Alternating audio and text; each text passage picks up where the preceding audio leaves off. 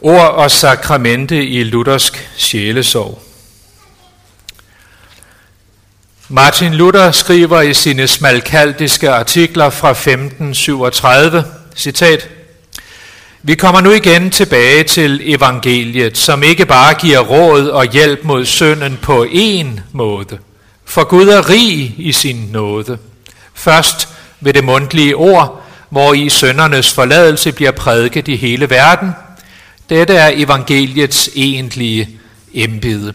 For det andet ved dåben, for det tredje ved alderets hellige sakramente, for det fjerde ved kraften i nøglerne og ved brødrenes indbyrdes samtale og trøst, Matthæus 18, hvor to eller tre er forsamlet.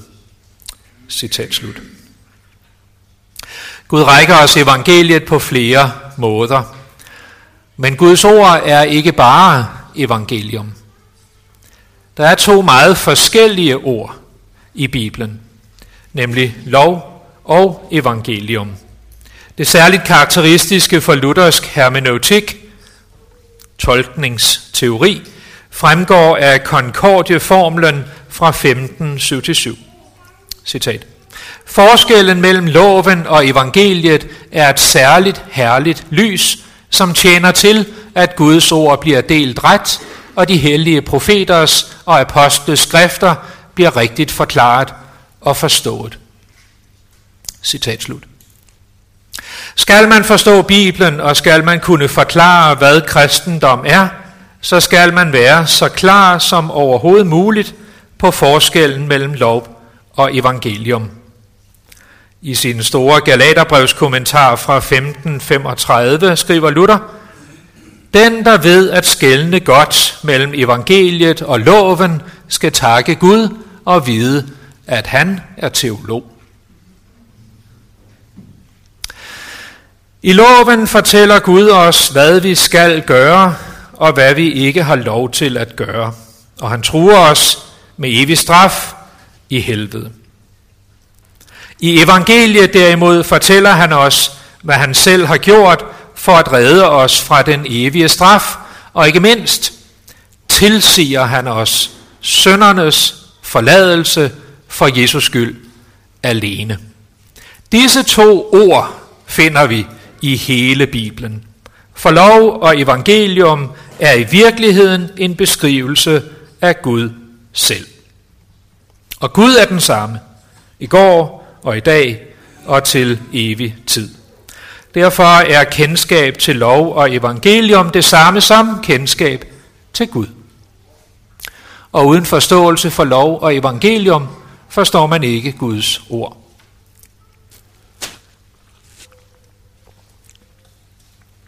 Evangelium er altså ikke lov. Man kan ganske vist bruge begrebet evangelium med en bred betydning, hvor det inkluderer loven. Dette gør vi, når vi taler om Matthæus evangeliet, Markus evangeliet osv. Her lader vi evangelium betegne alt det, som Jesus sagde og gjorde, også når han kaldte farisæerne hyklere, slanger, øjleyngel. Matthæus 23. Eller når han sagde, den der siger tåbe skal dømmes til helvedes ild. Matthæus 5, 22. Dette er evangelium i meget bred betydning. Men evangelium i egentlig forstand siger, Gud har sendt sin søn som et sonoffer for vores sønder. 1. Johannes 4:10. Evangelium i egentlig forstand kræver ingenting af os, men giver os alt af nåde. Concordieformlen 5 for denne vigtige sondring frem, når den skældner mellem evangelium i bred forstand, på latin evangelium large dicta, og evangelium i egentlig forstand, på latin evangelium proprie dicta.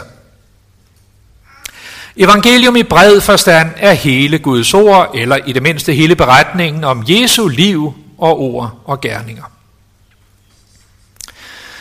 Evangelium i egentlig forstand er beretningen om, hvad han har gjort for at frelse os. Og ikke mindst tilsigelsen af dette til den enkelte.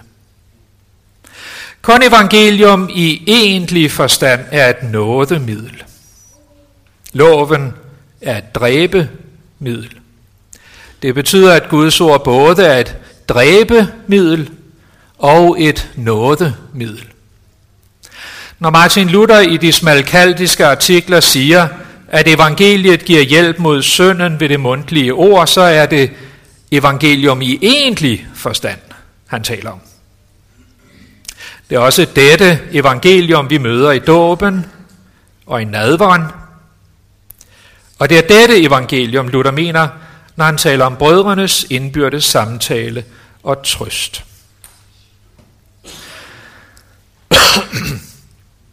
Dåb og nadver er ikke lovforkyndelse. De er bare evangelium. Dette skal dåbs- og nadverliturgien understrege. Det er helt i orden at holde en formaningstale før og efter dåben, eller før og efter nadveren, men selve dåbsliturgien og selve nadverliturgien skal være renset for dette.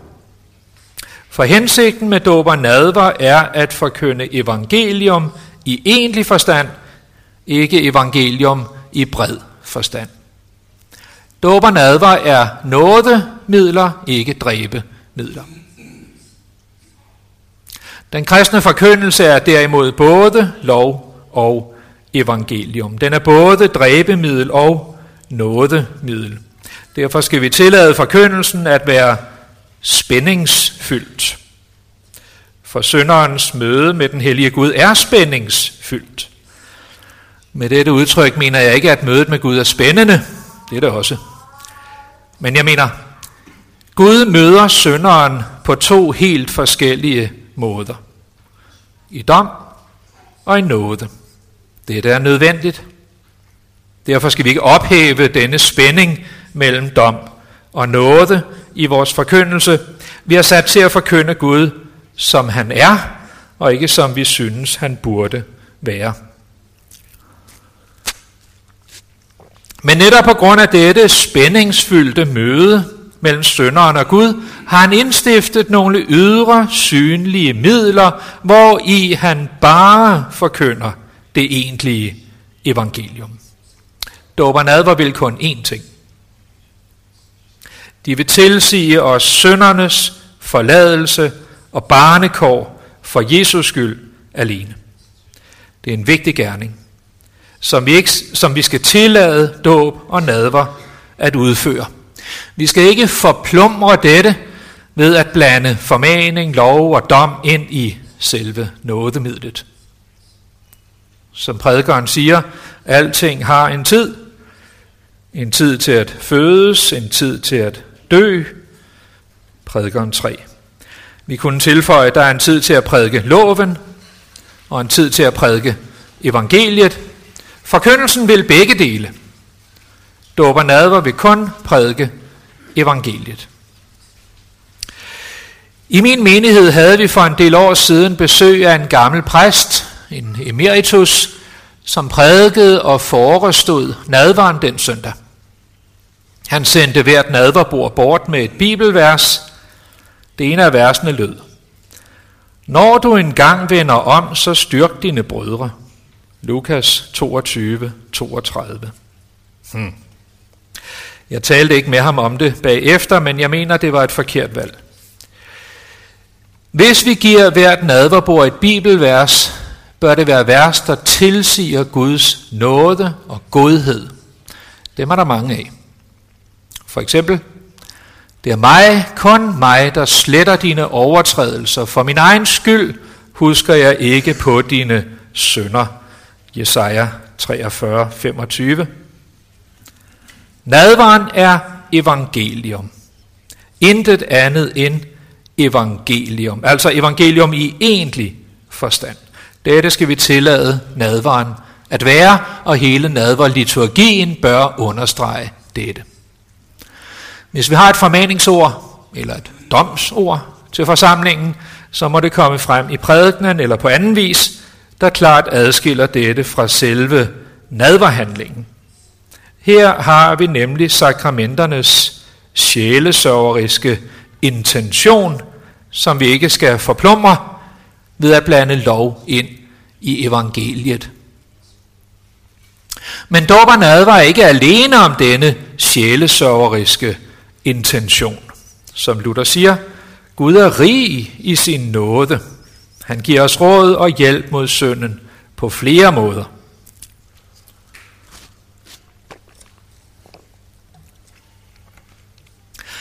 Luther understreger ofte, at evangeliet kommer til os ad flere veje. Eller sagt anderledes, der er flere nådemidler. I skriftet om koncilierne og kirken fra 1539 beskriver Luther kirkens syv kendetegn. For det første Guds ord. For det andet dåbens hellige sakramente. For det tredje aldrets hellige sakramente. For det fjerde nøglerne. Dette er den kristen, hvis han synder skal straffes, og hvis han ikke forbedrer sig, skal være bundet og udstødt bedrer han sig, skal han erklæres løst. For det femte kirketjenere eller embeder, som offentligt og privat kan give, række og udøve de ovennævnte fire ting og lægemidler på kirkens vegne og i kirkens navn. For det sjette bønnen, det at love og takke Gud offentligt. Og for det syvende, det hellige korsets lægemiddel. Det er ikke alle disse kirkekendetegn, der også er nådemidler. Guds ord er som sagt både dræbemiddel og nådemiddel. Nøglemagten handler både om at binde og at løse.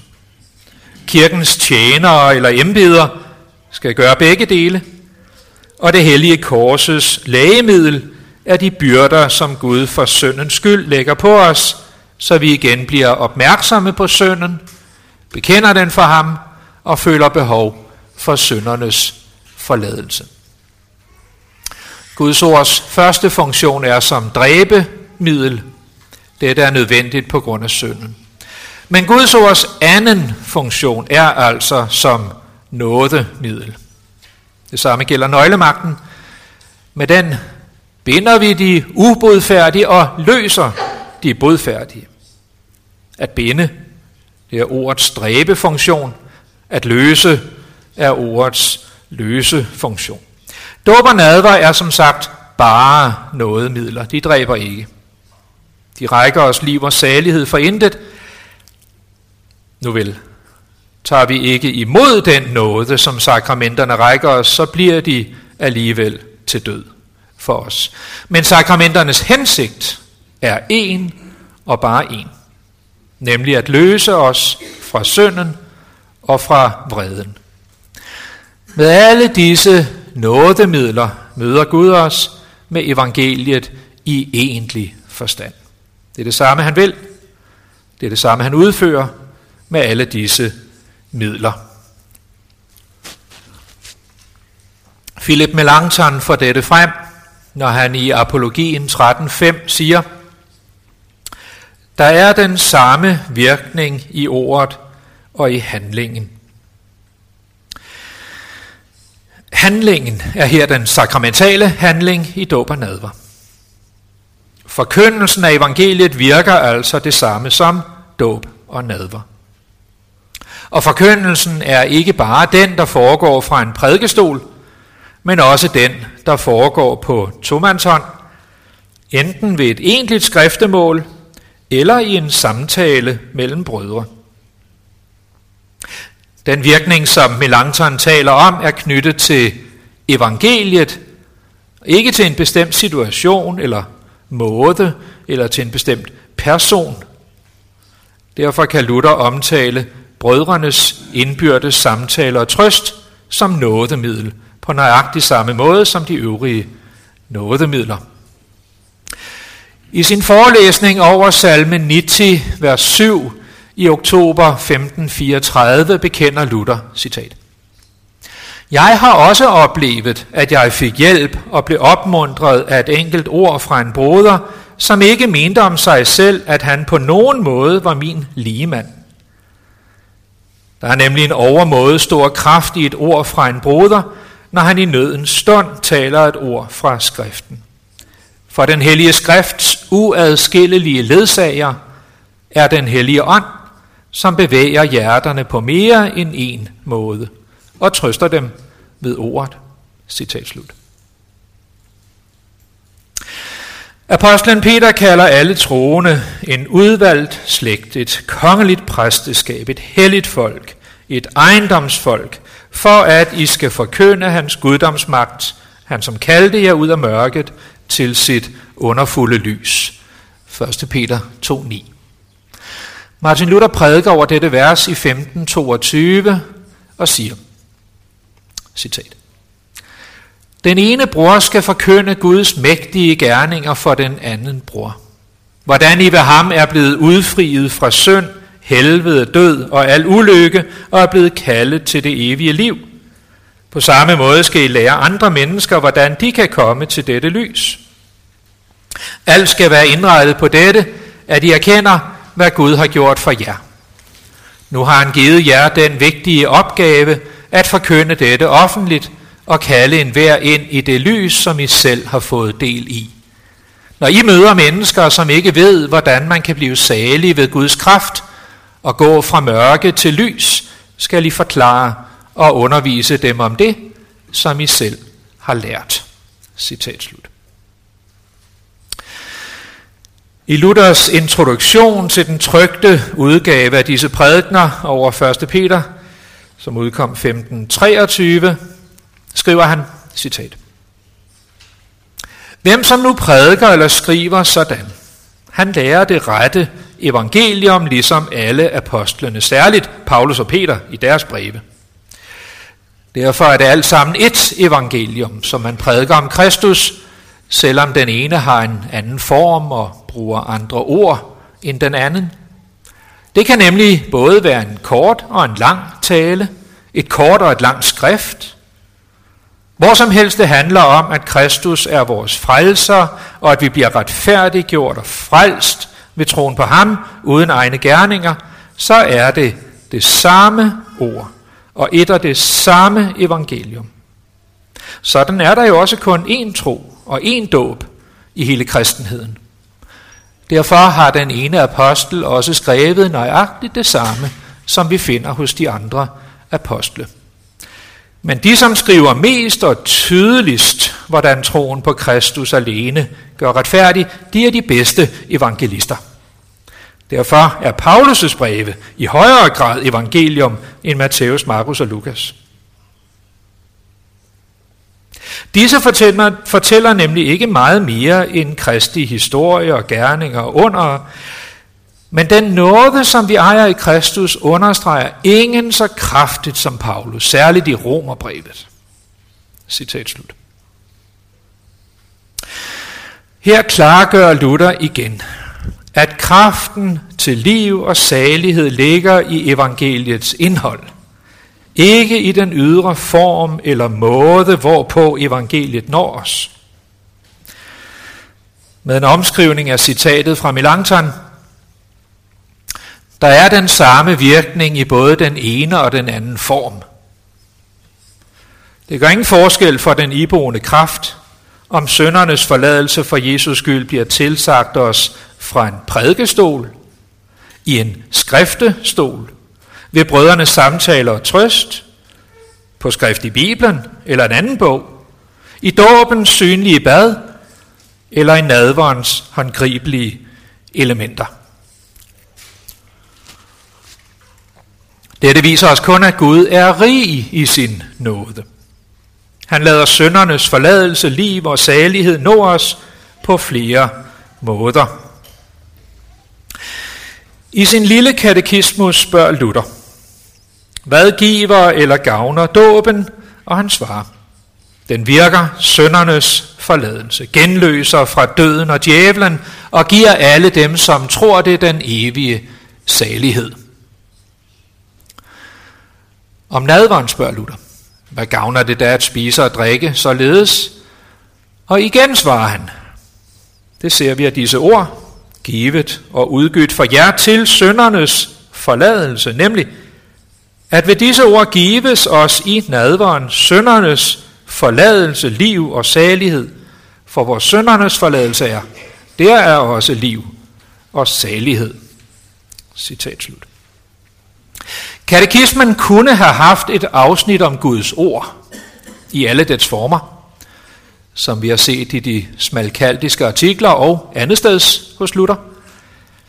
Dette afsnit skulle i så fald have haft en formulering, der var nogenlunde enslydende med den, vi finder i afsnitten om dåb og nadver, nemlig Forkyndelsen virker søndernes forladelse, liv og salighed. Den genløser fra døden og fra djævlen og giver alle dem, som tror på forkyndelsen, den evige salighed.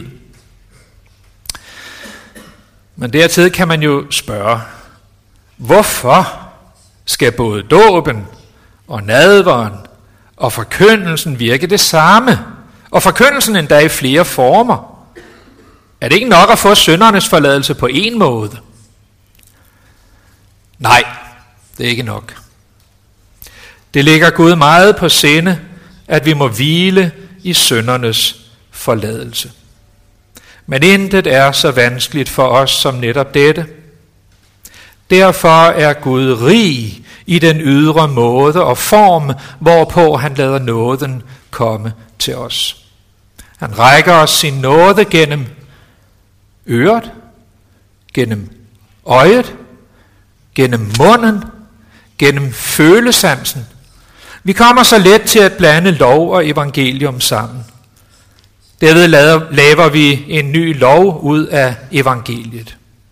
Netop derfor lader Gud søndernes forladelse nå os på flere forskellige måder.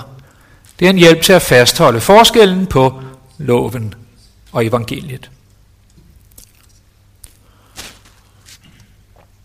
Hvis vi skal forstå Guds hensigt med dåb og nadver, så skal vi ikke stirre på det ydre. Vi skal ikke se på vandet eller på brød og vin. Vi skal lytte til de ord, som Gud selv har forbundet med vandet og med brød og vin. Der er et gammelt luthersk udtryk, som siger, des Sakraments im Wort wahrnehmen. Vi skal fatte sakramentet i ordets lys. Vi skal ikke spørge ritualet eller elementerne, hvad de betyder, før vi har spurgt Guds ord, hvad det mener med ritualet og elementerne. Jesus siger, da han indstifter nadvaren, Drik alle heraf, dette er mit blod, pagtens blod, som udgives for mange til søndernes forladelse. Matthæus 26, vers 27 og 28. Jesu blod blev udgivet til søndernes forladelse. Det var derfor, han kom til jorden. Det var derfor, han led og døde. Og i nadvaren rækker han os det samme lægeme og blod til søndernes forladelse. Det ligger ham så meget på sinde, at vi må blive frelst, at han i og med nådens midler selv kommer til os, og både forkynder og rækker os sig selv, og dermed syndernes forladelse. Vi skal lade evangeliet tolke sakramentet. For sakramentet er i virkeligheden bare evangeliet i en anden skikkelse. Hvis man ikke lader evangeliet tolke ritualet og elementerne, ender man i en af to vilfarelser. Et. Enten bliver man magisk religiøs og tænker, at man i denne magiske handling har direkte fællesskab med guden. Derfor har man ikke længere behov for at høre evangeliet. Hvad skal man dog med det? Man har jo alt i den magiske handling. 2. Eller man bliver spiritualist og tænker, at man skal erfare guddommen uformidlet inde i sin egen sjæl. Derfor har man ikke behov for det ydre, konkrete nådemiddel. Ånd er bedre end kød, og det åndelige er bedre end det materielle, siger man. Til spiritualisterne kan vi sige med dette citat fra min gamle rektor i København, Nils Ove Vigilius, citat, Djævlen arbejder uafladeligt på at få dig skilt fra Kristus. Og hans nærmeste mål er dette, at få dig til at tro, at din Kristus er langt borte fra dig i himlen. Derfor er han, djævlen, levende red for disse ord, som siger, at Kristus kommer til dig i brød og vin, så du kan spise og drikke dig til et med ham. Citat slut. Her har vi nadvarens sjælesørgeriske hensigt. Du behøver ikke lede efter Kristus i dine stemninger og følelser, for han har sat dig i stævne i nogle ganske bestemte ydre midler.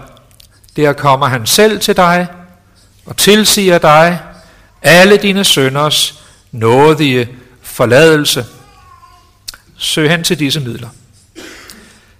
Men så må du også fatte sakramentet i ordet. Du må lade evangeliet tolke det ydre og synlige for dig.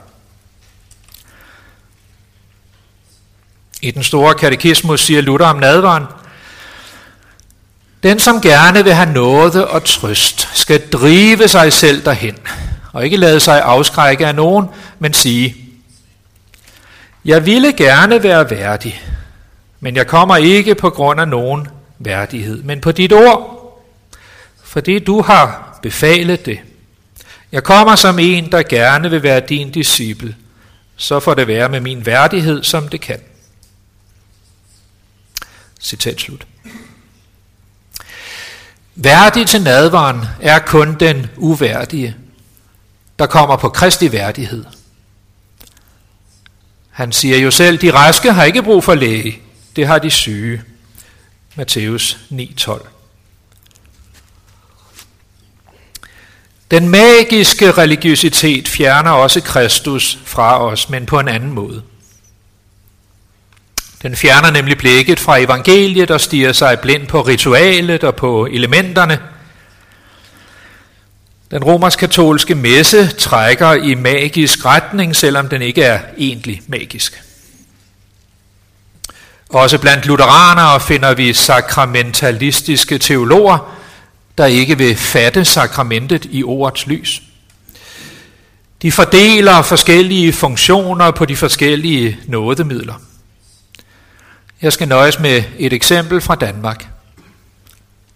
Professor Regin Printer skriver, citat, Selvom det er den samme nåde, der tilbydes i prædikenen og i sakramenterne, og derom hersker ingen tvivl hos reformatorerne, tilbydes denne samme nåde ikke på samme måde i prædikenen og i de enkelte sakramenter. Prædikenen skænker ikke Guds nåde som genfødelse, det gør dåben. Prædikenen skænker ikke Guds nåde som styrkelse og næring af det i dåben genfødte liv, helliggørelse, det gør nadvaren. Men dåben og nadvaren forkynder ikke genfødelsen og hel, genfødelsens og helliggørelsens historiske grund i Jesus Kristus. Det gør prædikenen. Citat slut. Det er selvfølgelig rigtigt, at de forskellige nådemidler tilbyder Guds nåde på forskellig måde. Men Printer går et skridt videre. Han påstår, at nådemidlerne rækker os forskellige dele af nåden og at det enkelte nådemiddel derfor ikke rækker os hele Guds nåde. Kun dåben genføder. Kun nadvaren helliggør. Kun forkyndelsen forklarer. Men dette er hverken luthersk eller bibelsk. Hos Luther og i Bibelen er det ordet om søndernes forladelse, der virker både genfødsel og helliggørelse. Men dette ord når os på flere måder. Som ord og som handling. Derfor er der den samme virkning i både ordet og handlingen. Virkekraften ligger i evangeliet selv. Den ligger ikke i den måde, hvorpå evangeliet når os. Virkekraften ligger heller ikke i den person, ved hjælp af, ved hjælp af hvem evangeliet når os. Vi kan sige, at sakramentalistiske teologer her udviser et semikatolsk træk. I Norge kender man i øvrigt en tilsvarende distributiv nådemiddelopfattelse fra MF-professor Leif Ålen. Sakramentalisterne forplumrer nådemiddelforståelsen på en måde. De reformerede trækker i spiritualistisk retning og forplumrer nådemidlerne på en anden måde. Jeg vil gerne sige lidt mere om dette. Calvin lærer, at Guds ånd virker på mennesker sammen med ordet og dåben og nadveren, men principielt adskilt fra disse. Ordet forklarer frelsen, dåber nadver synliggør frelsen, men den frelsende virkning er en tilføjelse til disse ydre midler. Lad os se på hans lære om sakramenterne. Han siger i sit hovedværk, Undervisning i den kristne religion, bog 4, kapitel 14, stykke 17, citat. Den hellige ånd, som sakramenterne ikke bringer til alle mennesker, men som Herren særligt rækker til sit folk, bringer Guds gaver med sig, skaber plads for sakramenterne og får dem til at bære frugt. Citat slut. Ifølge Calvin møder alle mennesker Gud gennem naturen, fordi Gud er allesteds nærværende. Men Gud kommer ikke på en særlig sakramental måde til alle de mennesker, som modtager sakramenterne.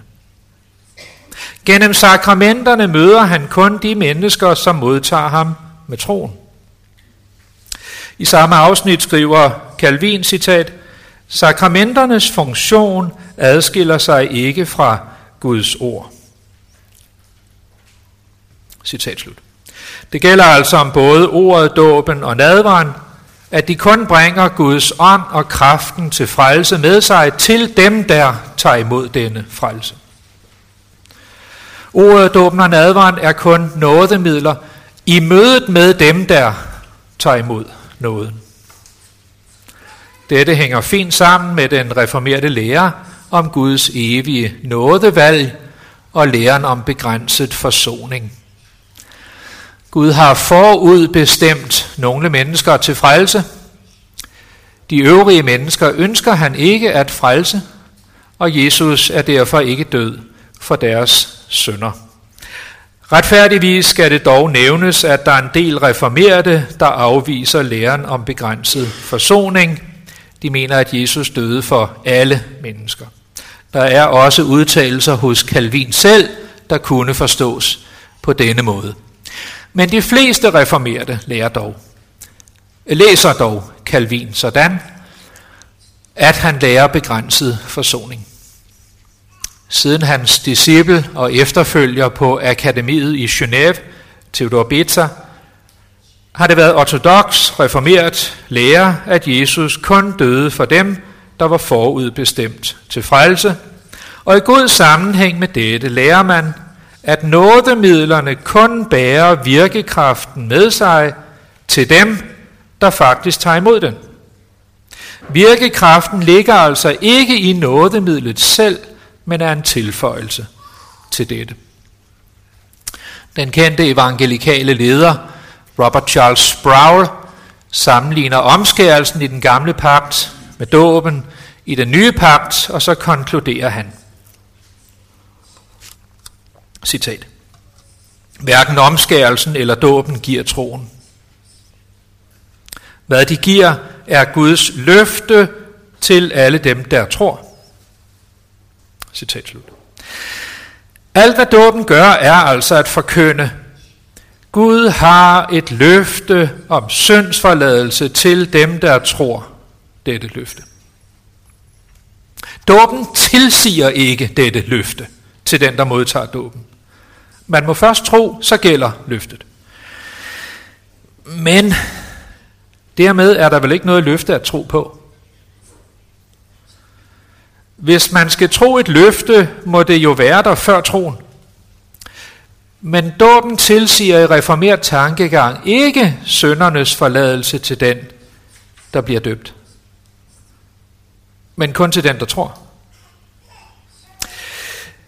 Tilsvarende kan sjælesørgeren ikke henvise til det ydre ord eller til dåb og nadver og så sige til et hvert menneske, her i disse ydre midler kommer den evige og almægtige Gud til dig og tilsiger dig søndernes forladelse.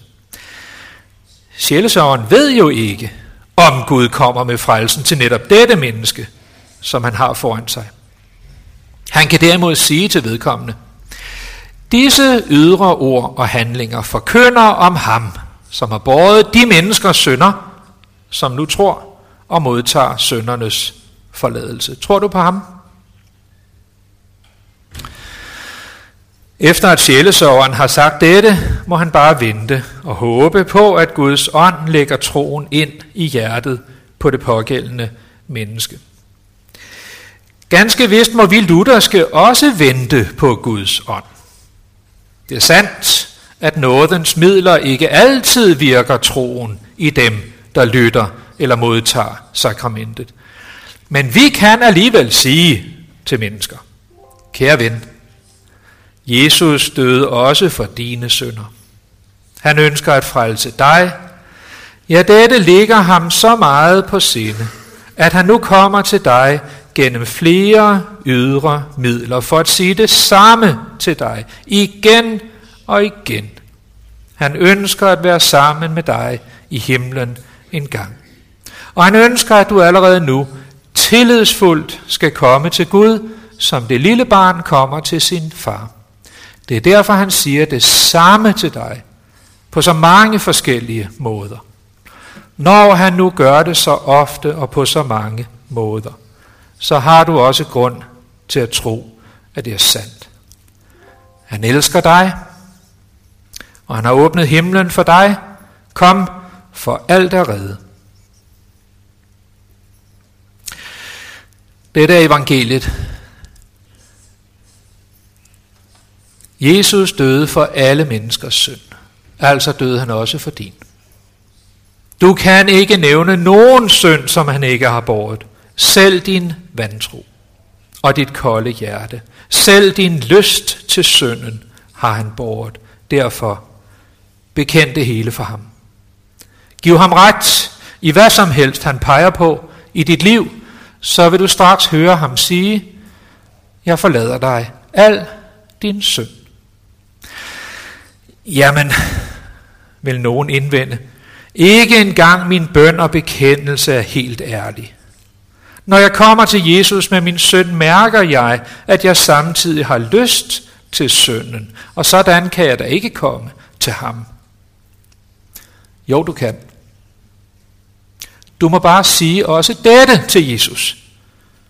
For han døde ikke bare for dine ydre, konkrete synder. Han døde også for dit hjertes synd. Ja, det var netop dette, der var så tungt for ham at bære. Derfor kan han tilgive dig al synd, uden undtagelse. Hvis altså du ikke benægter synden, hvis du ikke skjuler den og forsvarer den, i så fald ønsker du jo ikke søndernes forladelse, men søndernes tilladelse. Og den vil han ikke give dig. Men bekender du din søn for Jesus, så siger han det samme ved hjælp af flere ydre midler. Dine sønder er dig forladt for Jesus skyld alene. Dette siger prædikenen til os som menighed. Det samme siger skriftemålet og brødrenes samtale til os på Tomans hånd. Det samme siger dåben til mig, i det Jesus nævner mit navn, og lad mig mærke det i form af vand. Det samme siger nadveren til mig, i det min herre og min bror tager bolig i mig i form af brød og vin. Han rækker mig det samme, og han virker det samme i både ordet og i handlingen for at jeg skal gribe begærligt ud efter det, og fastholde det en frimodig tro på ham. De er os, der blev døbt som små, kan sige til os selv. Han kom til mig og tilsagde mig søndernes forladelse, længe før jeg bad ham om det. Dette skal vi ofte minde os selv og hinanden om, og resten af livet kan vi lytte til det samme evangelium, både fra prædikestolen og på tomandshånd. Og vi kan modtage det samme evangelium, ja, den samme Jesus, med hånden og med munden, når vi deltager i nadveren. Tak.